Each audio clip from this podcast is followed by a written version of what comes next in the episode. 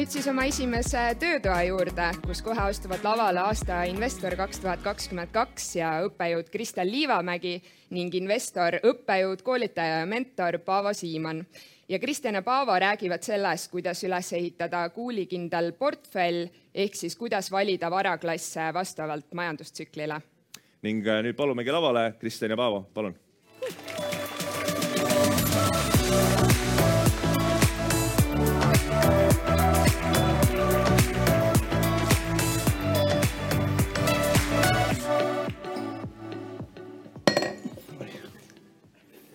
meil on äh, pühapäeva hommikul kell üheksa väga hea meel teid siin kõiki näha, sest me Kristjaniga arvasime, et saabub kümme inimest, aga aga teid on kordades rohkem, nii et jah, daamid ja härrad, vennad ja õed, poisid ja tüdrukud. meie alustame seda, kuidas siis tööriistade ja töötubade vööndit Kristjaniga. et äh, kes me oleme? et äh, minust paar sõna siis, et minu ametialane karjäär on olnud finantsjuhina AstraZenecas ja Statoilis Circle K-s.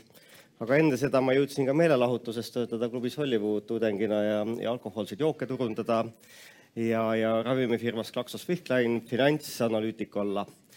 tänapäeval Tehnikaülikooliga seotud, õpetan seal tudengitele, avame siis numbritšakrat, finantstšakrat ettevõtlike noortekojas, investeerimisklubi on tehtud mentorite kojas Eesti Äriinglite võrgustiku liige. Äh, mul on neliteist äh, iduettevõtet ka portfellis, äh, mis veel kaks saavad rohkem tähelepanu, Fitsphere ja, ja, ja Bikekeep ja Äripäeva raadios ka korra kuus. olen ühe saatega eetris Finantsuudised fookuses aga me püüame täna teile siis Kristjaniga niimoodi hästi aeglaselt ja rahulikult rääkida hästi selgete sõnadega, aga kui midagi selgusetuks jääb, siis kindlasti küsige ja, ja me kaasame ka teid, nii et, nii et olge selleks ka kõigeks valmis ja noh, kuna me oleme mõlemad õppejõud, siis äh, meie eesmärk on ikkagi teile anda õng, et te suudaksite ise, ise neid tööriistu edaspidi kasutama hakata. nii et äh, olge valmis meie töötoaks, aga Kristjan, kes, kes sina oled? ja tänud äh, Paavole sissejuhatuse eest. Äh, võib-olla taustast, äh, enda taustast ka, et kuna ma vaatan tõesti uusi nägusid on väga palju ja kõigiga personaalselt tuttavaks ei ole saanud, siis väike sissejuhatus, et millega ma tegelen, kes ma olen ja miks täna on mind palutud ka siia lavale.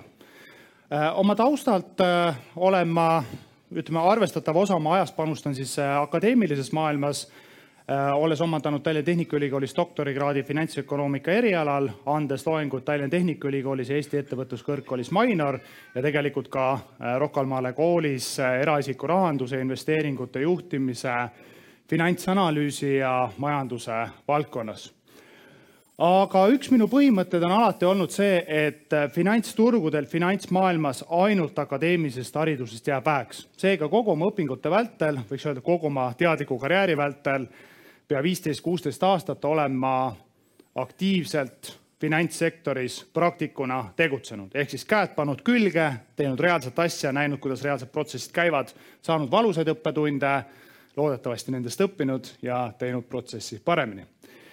ja töökogemuse poole pealt võib-olla tasub välja tuua, et alates kahe tuhande kümnendast aastast olen ma varahaldusettevõtte KML Invest äh, omanik ja tegevjuht tegemist on siis varahaldusettevõttega, läbi mille mina investeerin enda raha finantsturgudele.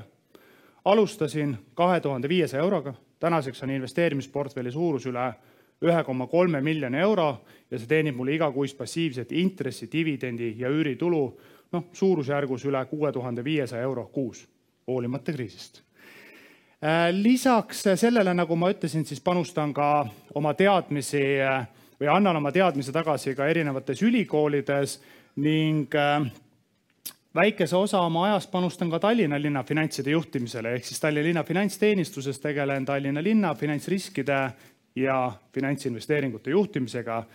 ja no seda võib-olla siis äh, kaliibri mõttes oluliselt suuremate summadega kui siis väikeinvestorina enda portfelli juhtides. ja olen töötanud ka viis aastat äh, rahvusvahelises audiitorbüroos Ernst Young vandeaudiitorina Frankfurdis, Saksamaal ja siis Tallinna kontoris aga nii palju võib-olla sissejuhatuseks, et äh, läheksime edasi nüüd siis äh, teema juurde ja võtaksime niisugused huvitavamad, põletavamad teemad ette.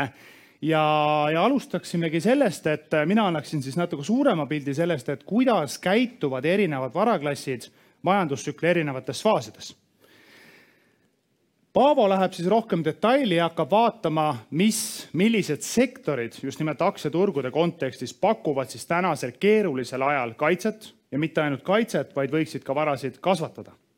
nii et mina annan niisuguse väikse suurema pildi äh,, räägin ka hiljem natukene enda nägemusest makromajanduse mõttes ja Paavo läheb juba siis detaili ja peale seda teeme siis niisuguse äh, mõnusa interaktiivse arutelu ka ehk hea meelega kuulaksime teie käest mida teie arvate, millises majandustsükli faasis me oleme, milliseid strateegiaid rakendada ja peale seda me hea meelega jagaksime ka enda nägemust, et kuhu meie täna oma raha paneme ja miks me sinna paneme. Alustuseks siis võib-olla nii palju, et millistesse varaklassidesse on üldse võimalik eh, teil investeerida.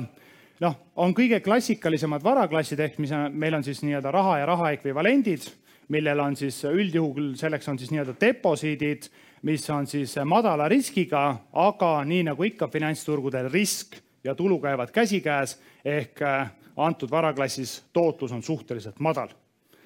Järgmine varaklass on siis osalused ja aktsiad, kuhu alla lähevad siis kõik nii iduettevõtete osalused, starta- äh,, ütleme siis börsil kaubeldavad äh, fondid, mille alusvaraks on aktsiad, tavalised nii-öelda ettevõtte osakud ja aktsiad. ehk siis tegemist on niisuguse klassikalise omakapitali investeeringuga järgmine suurem varaklass on siis laenud ja võlakirjad, äh, mida võib väga lihtsustatult siis kokku võtta kui äh, noh, oma olemuselt niisugust laenuinstrumenti, kus sa annad laenu välja ja saad siis nii-öelda intressi selle eest, äh, selle riski eest, mida sa siis võtad ja hiljem loodetavasti ka põhiosa tagasi.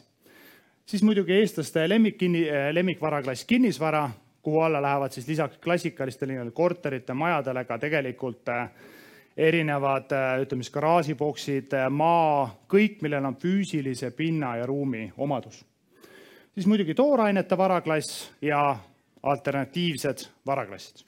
Lihtsalt meeldetuletuseks natuke, et äh, kuna siin on tõesti ka mitmeid alustajaid, et millised on varaklassid, kuhu on võimalik investeerida.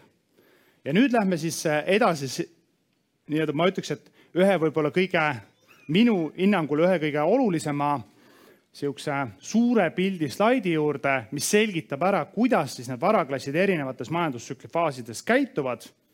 Ja, ja taustaks siis ka võib-olla ma natukene avaksin seda, et millises majandustsükli faasis minu hinnangul me täna oleme Eestis. nii, äh, kui midagi siin ütleme hommikul veerand kümme kaasa võtta, ma saan aru, mida on väga raske kaasa võtta, sest äh, eile oli väga äge üritus ja väga mõnus saun aga siis selle, selle slaidi ma võtaks kaasa.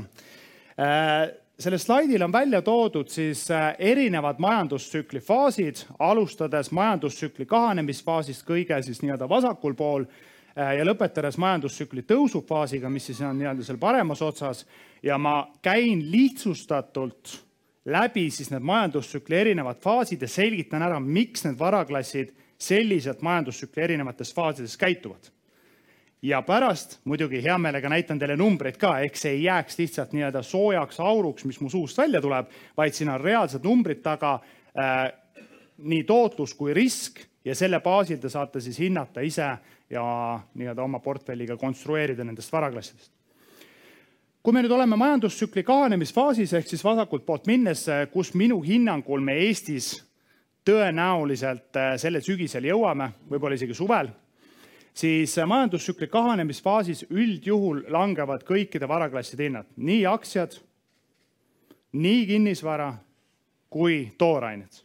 ainuke varaklass, mille õiglased väärtused ajalooliselt on majandustsükli kahanemisfaasis tõusnud, on investeerimisjärku võlakirjad. miks? Noh, teen selle asja võib-olla väga lihtsustatud, ma ei hakka seda tehnilist juttu siin rääkima, aga väga lihtsustatult võib öelda, et olukorras, kus majanduse väljavaated investorite silmis on negatiivsed, siis investorid põgenevad riskantsematest varadest vähem riskantsematesse varadesse. ehk siis investeerimisjärku võlakirjad, näiteks nagu Saksamaa riigi võlakiri, USA riigi võlakiri, Soome riigi võlakiri, on turvasadamad, kuhu investorid liigutavad oma varad riskantsetest varaklassidest, näiteks nagu tehnoloogiasektori aktsiad, äh, toorained ja nii edasi.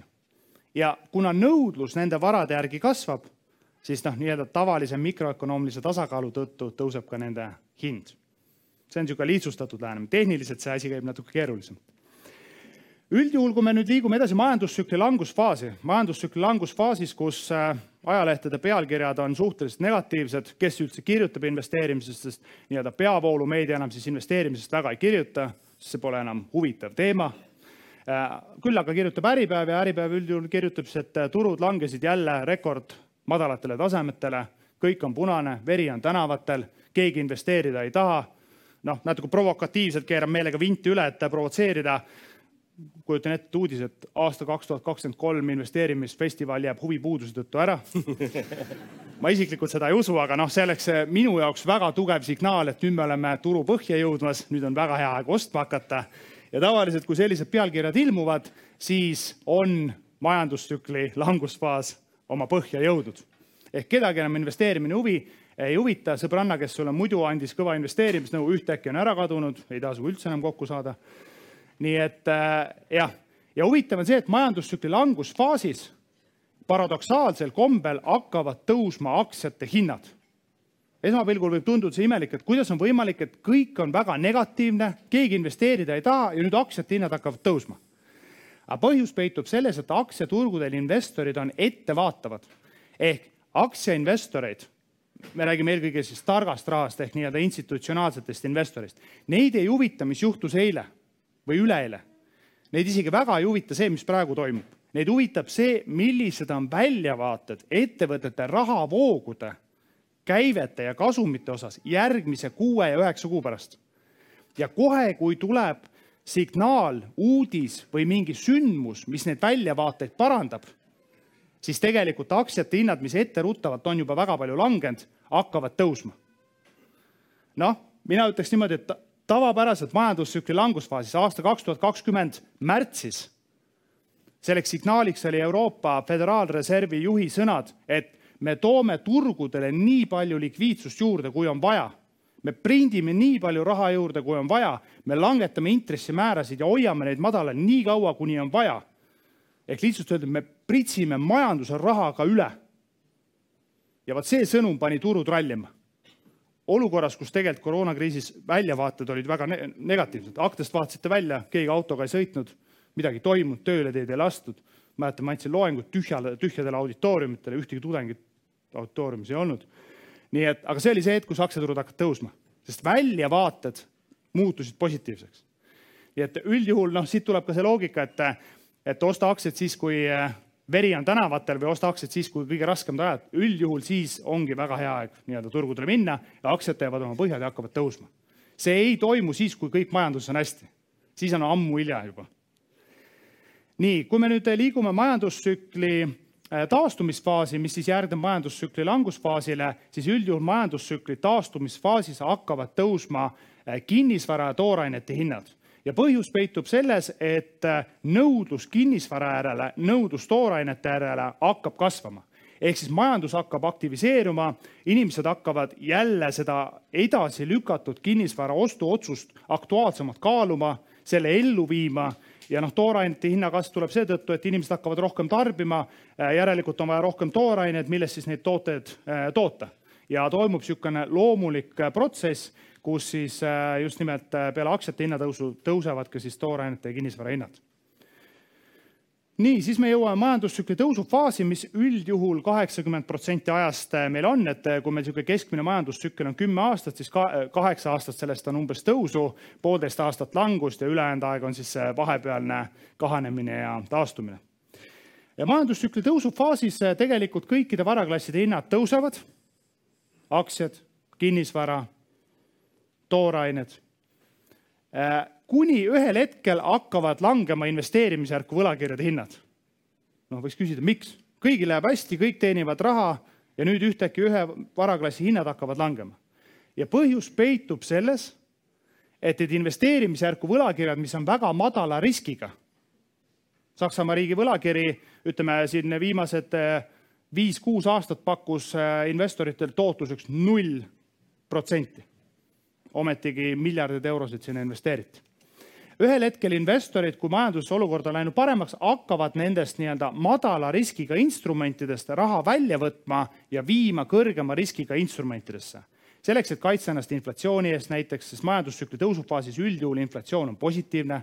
keegi ei taha nii-öelda raha ostujõudu kaotada nendes investeerimisjärku võlakirjades. Seal on ka muidugi tehniline nüanss, tehniline nüanss, ma võib-olla väga detaili ei läheks, aga tehniline nüanss on see, et kuna majandustsükli tõusufaasis hakkavad keskpangad tõstma baasintressimäärasid, mis üks-ühele mõjutab ka nende investeerimisjärku võlakirjade intresse, siis noh, väga lihtsustatult öeldes, kui tõuseb baasintressimäär Euroopas, siis tõuseb ka Saksamaa riigivõlakirja intress.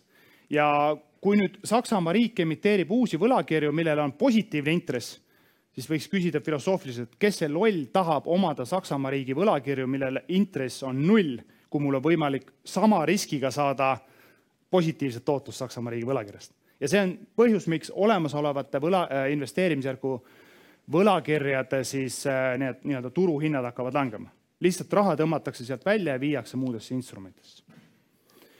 Nii ja nüüd, kui me jõuame siis majandustsükli tõusufaasi tippu seal paremas äh, suunas või paremal pool, no üldjuhul see on aeg, kus te kus teiega võtavad ühendust äh, sõbrad, sõbrannad, koolikaaslased, kellega te pole kaua midagi kuulnud ja ütlevad, kuule, mul on üks väga äge idee, väga äge startup.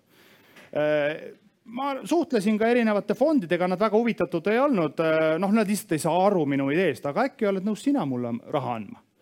Või mul on palju muid toredaid ideid ja, ja ühtäkki need tavapärased teemad, milleks on, ma ei tea, võib-olla suhted ja ja muu niisugune kõmulisem äh, teema, siis need on asendanud äh, sujuvalt teemadega nagu, kuhu sina investeerid, millist tootlust sina said. aga sa ei investeerigi või? mis sul siis viga on? ja, ja tavapäraselt see on niisugune väga tugev signaal sellest, et me oleme, ütleme niisugune käitumuslikult jõudnud majandustsükli tõusufaasi. Noh, siin tekivad uued terminid finantssõnavaraduse, hipodroom ja kõik nii edasi et jääb mulje, et lihtsalt pane raha börsidele ja võta rohkem välja ja niimoodi see investeerimine käibki. aasta kaks tuhat kakskümmend üks, teine pool. kuigi me kõik tahaks, et see aeg kestaks igavesti, siis paraku majandus, majanduslikust loogikast tulenevalt see aeg ei saa igavesti kesta ja just nimelt tavapäraselt majandustsükli tõusufaasi tipus aktsiaturud teevad oma tipud ja hakkavad langema enne reaalmajandust. Eestis täna faktiliselt on majanduskasv. Eesti majandus kasvab, Eesti on majandustsükli tõusufaasis. nii nagu on ka tegelikult Saksamaa ja Ameerika Ühendriigid. sellest hoolimata, mis toimub finantsturgudel, noh, finantsturud on langenud oma tippudest pea kakskümmend, kolmkümmend protsenti. põhjus peitub taaskord selles, et investorid on ettevaatavad ja vaatavad, millised on majanduse väljavaated järgneval kuuel ja üheksal kuul. Neid ei huvita see, mis toimub täna, neid huvitab see, mis tulevikus toimub ja sellest tulenevalt ka aktsiahinnad reageerivad sellele. nii, ja nüüd ühel hetkel, kui me jõuame majandustsükli kahanemisfaasi, äh, kuhu minu hinnangul me baasstsenaariumi kohaselt teel oleme, siis tegelikult hakkavad langema ka toorainete hinnad ja kinnisvarahinnad. kui me mõtleme, kus me täna oleme, no nii-öelda viskan natukene niisugust, ma saan aru, Paavo tahtis teile õnge anda, me õnge anname ka, aga ma niisuguse pooli, ütleme niimoodi, pooliku kala annaksin ka teile. ütleksin, et turgudel võlakirjade õiglased väärtused on juba langenud. on langenud tegelikult, äh, võiks öelda isegi niisugune aasta, noh, pea aasta aega. aktsiaturud on langenud pea pool aastat. noh, kinnisvarainvestor ütleb, mis kinnisvara, kinnisvara ei saa kunagi langeda. võib-olla tõesti, aga seda juttu kuulsime aastal kaks tuhat seitse ka, kinnisvara ei lange mitte kunagi äh, nii et järgmine, mis tegelikult peaks pihta saama, on toorained ja kinnisvara toorainete hinnad tegelikult, kui te vaatate turgudel laiapõhjaliselt, on juba langema hakanud, tippudest alla tulnud. noh, kinnisvara, Eesti kinnisvara võib olla muidugi unikaalne see ei lange kunagi. aga näiteks Rootsi kinnisvara on juba langema hakanud. Nii et eks igaüks ise mõtleb siin lahti, kas see Eesti kinnisvara, mis teil portfellis on, kas see tõesti on nii kriisikindel ja kas siin kehtivad teised nii-öelda majandusseadused või mitte. Ja äh, nii palju siis võib-olla sellest, et äh, ma siis põgusalt selle jutu lõpetuseks näitaksin ka numbreid, sest investoritele tavaliselt meeldib numbrid ja seejärel annaksin hea meelega üle juba sõna Paavole. Majandustsükli nii-öelda erinevatest majandustsükli faasidest äh,. siin on mul siis välja toodud ka erinevate varaklasside tootlus, aastane tootlus ja aastane risk ja riskitulu suhe investorid tavaliselt väga palju räägivad just nimelt tootlusest, aga unustavad ära riski. noh, see on samamoodi kui jah, et see on mündi lahutamatult kaks poolt. ja siin on väga kenasti välja toodud siis, milline on siis erinevates majandustsükli faasides, antud juhul siis kahanemisfaasis Äh, ajalooliselt olnud varaklasside tootlus ja risk ja milline on kõige atraktiivsema riski, riskitulu suhtega varaklass just nimelt majandustsükli kahanemisfaasis, kuhu minu hinnangul me kas äh, nii-öelda oleme jõudnud või jõudmas. äkki sa räägid, kuidas seda riski arvutatakse ka? ja täpselt, äh, ma väga, ma hea meelega mainin ära, kuidas seda riski arvutatakse, seda riski arvutatakse siis tulumäära standardhälbega ma saan aru, et pühapäeva hommikul peale mõnusat pidu, siis see sõna nagu vau käib värin läbi, oh, ma vales kohas. ma teen selle lihtsalt siis, tulumäära standardhälve näitab seda, kui palju kõigub selle varaklassi või ütleme, aktsia hind. mida suurem on kõikumine, seda suurem on risk. mida stabiilsem see nii-öelda kõikumine on, seda väiksem on risk, väga lihtsustatud. jätame kõik muud keerulised terminid siin välja nii, äh, ma näitan siis teised majandustsükli faasid ka, äh, need numbrid ära, aga noh, sisuliselt nii nagu me rääkisime, täpselt samamoodi on käinud, ehk siis majandustsükli kahanemisfaasis on just nimelt need võlakirjad, need, mis pakuvad võib-olla kõige atraktiivsemat riskitulu suhet. majandustsükli langusfaasis aktsiaturud ei ole väga hea koht, kus sees olla. Äh, küll aga aktsiaturu majandustsükli langusfaasis nii-öelda selles kõige sügavamas punktis ja sealt edasi on õige koht aktsiaturule siseneda aga jah, majandustsükli langusfaasis, üle terve majandustsükli langusfaasi ka äh, nii-öelda siis madalama riskiga võlakirjad on olnud äh, head atraktiivse riskitulu suhtega investeeringud ja muuhulgas ka raha. nii et kes istub rahas praegu ja tunneb, et tal on väga valus, siis tegelikult see võib-olla ei ole väga halb otsus ettevaatavalt ja nüüd, kui muidugi majandus hakkab taastuma, siis majandustsükli taastumisfaasis, nii nagu kummipaelaga, aktsiad saavad siis äh, kenasti hoo sisse, ehk siis just nimelt väikesed kasvuaktsiad, suured dividendiaktsiad pakuvad kõige atraktiivsemat riskitulu suhtega investeerimisvõimalusi ja nad ka nominaalselt kordades ületavad teiste varaklasside tootlused. samamoodi ka kinnisvara ja viimaseks majandustsükli kasvufaas, kus siis investorid on eelkõige harjunud olema, siis samamoodi majandustsükli kasvufaasis aktsiad, kinnisvara ja ka toorained on atraktiivsed investeeringud. nii, aga siinkohal ma annaksin hea meelega sõna Paavole ja äh, Paavo räägib siis detailsemalt juba erinevatest sektoritest ja tõepoolest, et äh, paneme nüüd ühe kihi veel peale, et Kristjan rääkis, kuidas varaklassid käituvad majandustsükli eri faasides, aga ajalugu on näidanud, et ka erinevad majandusharud, erinevad sektorid käituvad erinevalt. ja see joonis, mis siia on pandud, on võetud rahaedu põhimõtete raamatust, mis on juba paar aastat saadaval olnud. ja, siin ongi visualiseeritud, et te näete, kuidas aktsiaturg on äh, eespool äh, majandustsüklist. ja noh, kuna meil on siin täna piiratud aeg, et siis äh, sellest joonisest võiks eraldi poolteist tundi rääkida, aga saate raamatust täpsemalt lugeda, aga võtame siit koos mõned näited. et siin on toodud hulk sektoreid teile välja ja näiteks ähm, ähm, kuhu, millele võiks tähelepanu pöörata, kui majandus on tipus ja oodata on kahanemisfaasi. et äh, siin on toodud sektorid üks ja kolm ehk äh, esmatarbekaubad. mis on esmatarbekaubad? noh, toit ja alkohol või? et ähm, või kosmeetika või, või mis, et äh, esmatarbekaubad, et nende vastu nõudlus jääb ning ka majanduse kasvufaasis, sest süüa ja süüa ja juua on ikka vaja ja samamoodi ajalugu on näidanud, et ka tervishoiusektor äh, on siis selline kaitsev sektor äh, äh, languse vastu. noh, tervishoius peab, olles ise ravimifirmades üheksa aastat töötanud, võin öelda, et, et päris palju aktsiahinnad sõltuvad ka sellest, kuidas innovatsiooniga selles valdkonnas läheb. aga, aga ajalugu on näidanud, et, et majandustsüklis on nad, langusfaasis on nad või kahanemisfaasis on nad ühed, üks kaitsev sektor. ning äh, millele veel saab tähelepanu pöörata, on, on äh, kommunaalettevõtted ehk siis siin toodud äh, numbriga kümme ning sellepärast, et vett ja elektrit ja sooja ikka seda läheb ka vaja.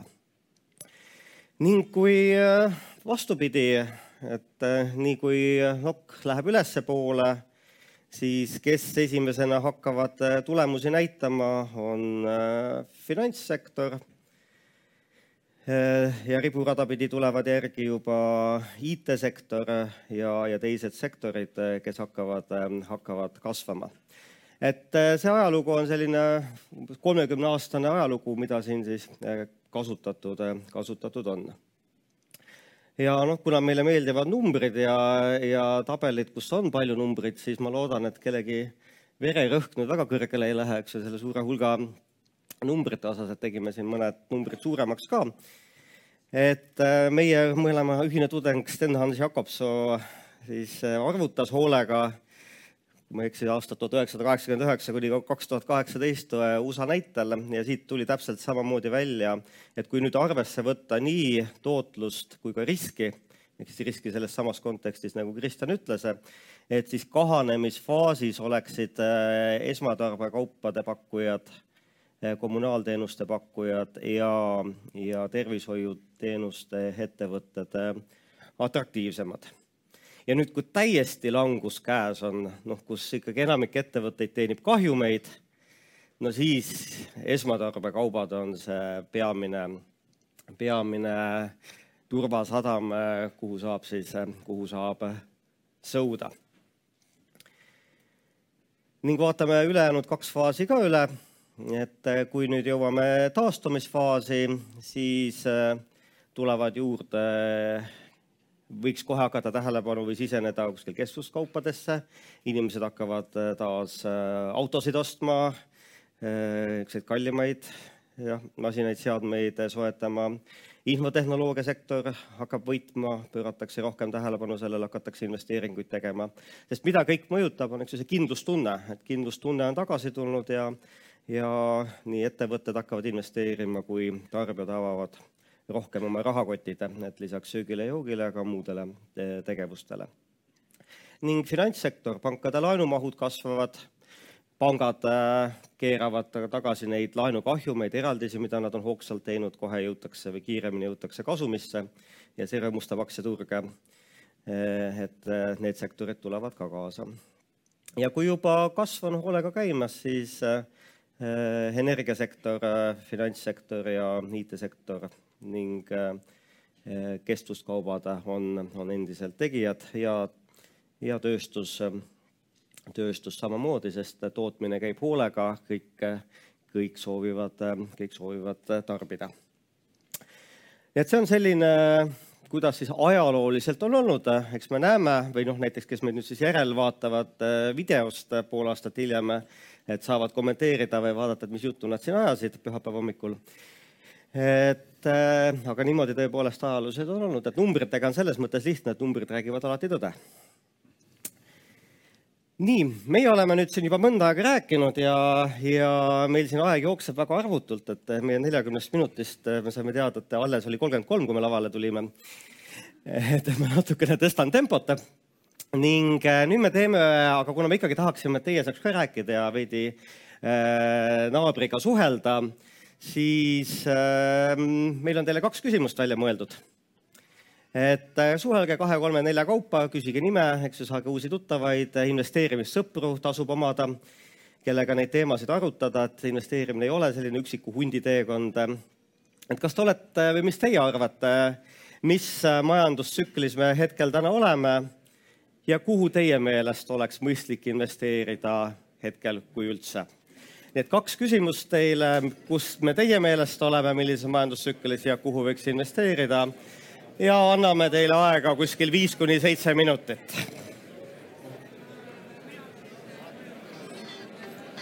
huvitav, kas ah,, mikri võeti välja, ma arvan, okei okay,, et vaata, las sa arutavad ja, ja, ja. siis tegelikult noh, reaalsuses see läheb nagu kollaseks, kollases on veel kaks minutit.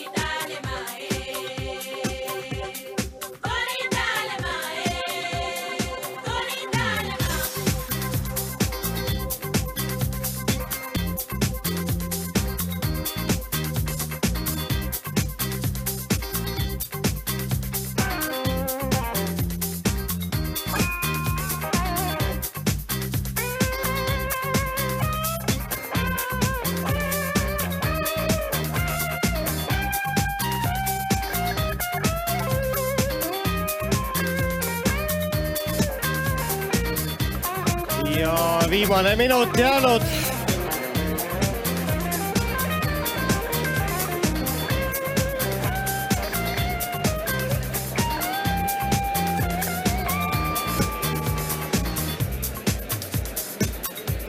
ma olen, ma olen Steni aeg-ajalt trennis näinud, ta käib ka seal Pirita My Fitnesses nagu. jaa,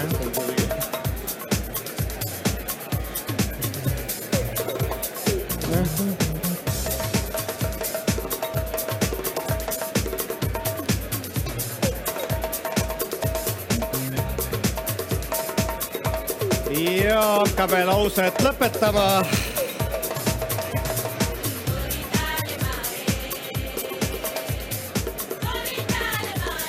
ja stopp, stopp, stopp, stopp, stopp, stopp, tänage oma vestluspartnerid, võite viieka visata, öelda hea töö. ja võtame nüüd koos ka mõned arvamused, millest te rääkisite millest te rääkisite, et milline rühm soovib jagada, et andke meile märku siis kodanikud mikrofoniga, nii, palun. tere. äkki ei ole hea, tõuse püsti ka, siis on kaamerameeste töö lihtsam. tere, aitäh esitluse eest. Riin Mäesalu olen e,. algajana mõtlesin, et kuna võlakirjad praegu on tõusuteel ja majanduslangus on ja ma liigun praegu eraette, era investorina ettevõtte alla, siis tegelikult on päris hea müügikoht mul võlakirjadega praegu. kuna ma ei taha saada sinna investeerimiskontole seda dividendi, nii et sihuke mõte tekkis. selline mõte, aitäh. nii, kes järgmisena, teeme Triinule aplausi ka. nii, milline rühm järgmisena? me võtame kõigepealt hmm?. seal vist on. nii, mul siin on praegu nii jah, palun seal tagaotsas. tervist, tervist. müüks aktsiad maha ja teeks tehingu teistpidi, läheks lühikeseks ja hoiaks kuskil pool aastat kuni aasta aktsiad lühikesena.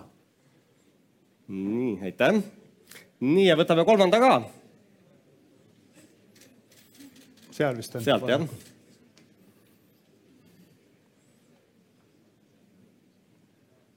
ja Äh, selline mõte tekkis, et äh, kui midagi investeerida, siis äh, võlakirjadesse või siis hoida sularaha või siis müüa lühikeseks tehnoloogiaaktsiaid. aga noh, see ei ole investeerimine, aga kui investeerimisest võib-olla võlakirjad ja võib-olla hoida sularaha, et rohkem nagu midagi ei julgeks. energiasektoris on suht volatiivne, et noh, võib-olla seal ka, aga aga oleneb, kuidas kellelgi öörahuga on, et kuidas keegi magada tahab. aga võlakirjad on nagu praegu või siis lühikeseks müüa mõndasid tehnoloogiaaktsiaid või midagi analoogset. nii, aitäh ja hästi kiirelt siit eest ka, neiu juba on pikalt oodanud.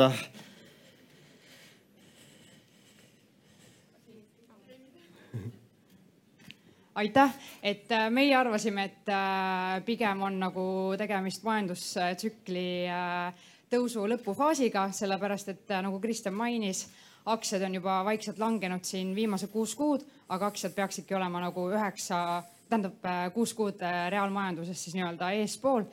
ehk siis võimalik, et juba vaikselt hakkame seda langust millalgi nägema. ehk siis võib-olla jah, et aktsiad nagu nägemist. nii suur aitäh ja teeme kõikidele viimastele esinejatele siin ka väikse aplausi. ja mida kostame? Äh, ja, ja ma arvan, et siit ongi hea minna üle tegelikult äh, nii-öelda küsimuste juurde. Ja ma saan aru, esimene küsimus tuli kohe sealt, et äh, kuidas teie kommenteerite, saime õigesti aru. nii et ma võib-olla alustan ja siis hea meelega Paavo saab oma nägemust siis kas jah, ka samamoodi jagada.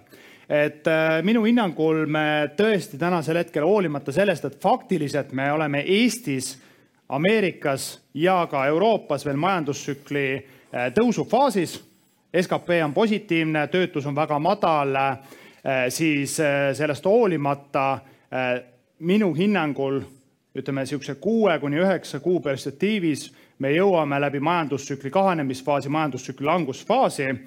ütleme väga pikalt neid põhjuseid siin ei hakkaks ütlema, eile laval ma tegelikult ka need ütlesin, aga peamiseks põhjuseks võivad olla see, et Äh, baasintressimäärad tõusevad, see omakorda teeb laenamise kallimaks nii ettevõtjatele kui eraisikutele, vähem raha jääb kätte tarbimiseks.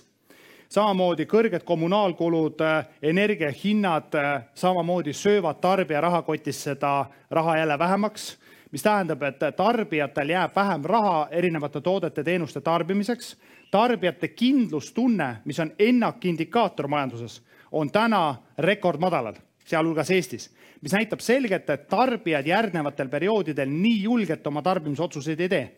ja see kandub selgelt üle ka siis ettevõtjate nii-öelda rahakotti ehk siis käibed vähenevad, kasumid vähenevad ettevõtjad tõmbavad investeeringuid kokku, vähendavad tööjõudu ja hakkab allakäiguspiraal väga kiiresti tööle. nii et äh, minu hinnangul me siis äh, tänasel hetkel, hoolimata sellest, et me faktiliselt majandustsükli kasvufaasis, äh, oleme liikumas pigem majandustsükli kahanemisfaasi ja langusfaasi. kui sügavaks see saab olema, sõltub suuresti keskpankadest nii et need strateegiad, mis siin kenasti olid, ütleme niimoodi, et portfellis riski maha tõmmata, võtta endale portfelli varaklassi, mis on madalama riskiga, olgu selleks siis äh, kas investeerimisjärku võlakirjad või raha või kellel ööuni äh, on väga hea, sügava unega, siis võib-olla ka miks mitte aktsiaturgudelt kaitsvaid sektoreid, nagu Paavo mainis.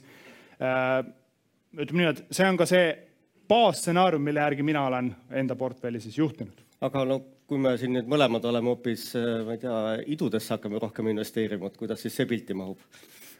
no ütleme, iduinvesteeringud, viimane investeering, mida ma müüsin, oli iduettevõte, nii et äh, Clever Mobility. aga noh, ütleme iduettevõtted on üks osa minu portfellist, seda ma hoian äh, pikaajaliselt üle majandustsüklit äh, ja, ja aga, aga selle puhul ma siis olengi teadlikult nii-öelda siis kõik need iduettevõtted, milles ma ise aktiivselt ei panusta, konsolideerimas siis Super Angeli fondi. Nii et selles mõttes jah, meil on ühine teekond ees võib-olla mina lisan niisugune soovitus on see, et, et aktsiaturgudel tasub ka osta asju siis, kui nad odavad on. no nii nagu Stockmanniski.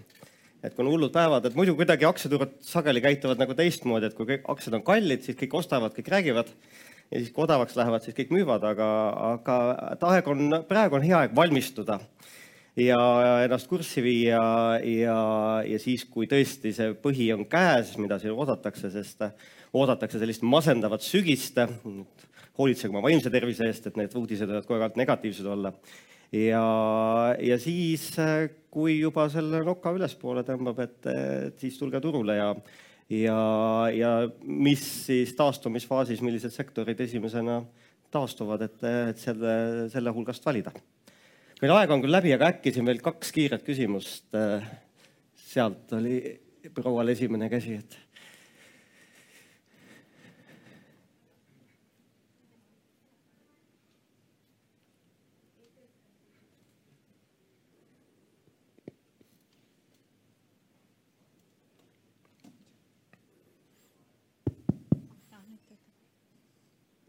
Äh, väga isiklik küsimus.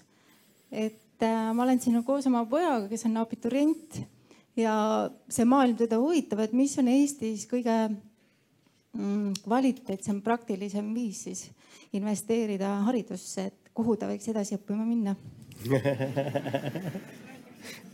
Me Paavoga vist äh, ei ole päris sõltumatud, kuna me mõlemad TTÜ õppejõud, aga äh, jah, no ütleme niimoodi, et äh, tundmata poega, et äh, millised on tema tugevused, eks ju, kui tal on tugevus, äh, näiteks inseneeria või programmeerimine või või laulmine või selles mõttes, et mingu sellele valdkonda ja finantskirjaoskust võiks ka sinna juurde õppida. ta vist ütles, et jah, et investeerimine huvitab, siis ma, ma ütlen ausalt, ma ütlen siis kiire vastuse natuke provokatiivselt ja tõenäoliselt ma saan selle TTÜ käest kõvasti mööda päid selle pärast.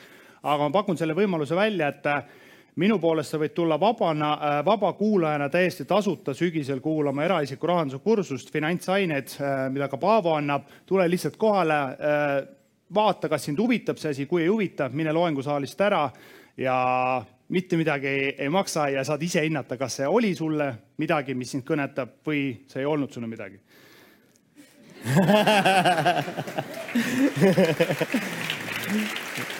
nii et selline eripakkumine julgele küsijale ja viimane küsimus härra Punasest siit. tasub eespool istuda, siis esinejad näevad. ja mikrofon äh, läheneb sealtpoolt, jah.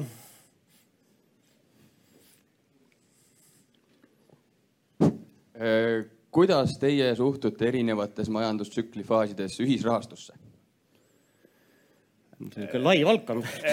jah, ühisrahastus, noh, ütleme, et ühisrahastuse puhul oluline aspekt, mida mainida, on see, et ühisrahastus tegelikult ei ole erinev varaklass, vaid ühisrahastus on erinev tehnoloogiline viis, kuidas erinevatesse varaklassidesse investeerida. mis tähendab seda, et selleks, et vastata selle küsimusele, peaksime me ka ühisrahastuse erinevateks plokkideks ehk varaklassideks lahti nii-öelda hekseldama. ehk ühisrahast-, läbi ühisrahastuse antud laenud äh, ütleme nii, et mis on võib-olla siis madalama riskiga kinnisvaraga tagatud, eh, võiksid oma olemuslikult käituda nagu eh, nii-öelda need võlakirjad. läbi ühisrahastuse tehtud iduinvesteeringud või aktsiainvesteeringud või osalused käituvad pigem nagu aktsiaturud võimendusega, et langevad rohkem ja võib-olla tõusevad ka rohkem. ja jah, nii et eh, ütleme, et tuleks vaadata, kuhu täpselt läbi ühisrahastuse on investeeritud. ja portaali riski ka jah, aga, aga ühisrahastuses on jah, see riskikiht on seal veel juures, ehk siis portaali krediidirisk on ka seal juures, ehk kas portaal suudab selles kriisis ellu jääda, seda tuleks veel siis eraldi analüüsida ja hinnata, täpselt nii nagu Paavo ütles. aga suur-suur tänu kõigile, meie olime siis teie tänahommikused äratajad. aitäh teile. edukaid investeeringuid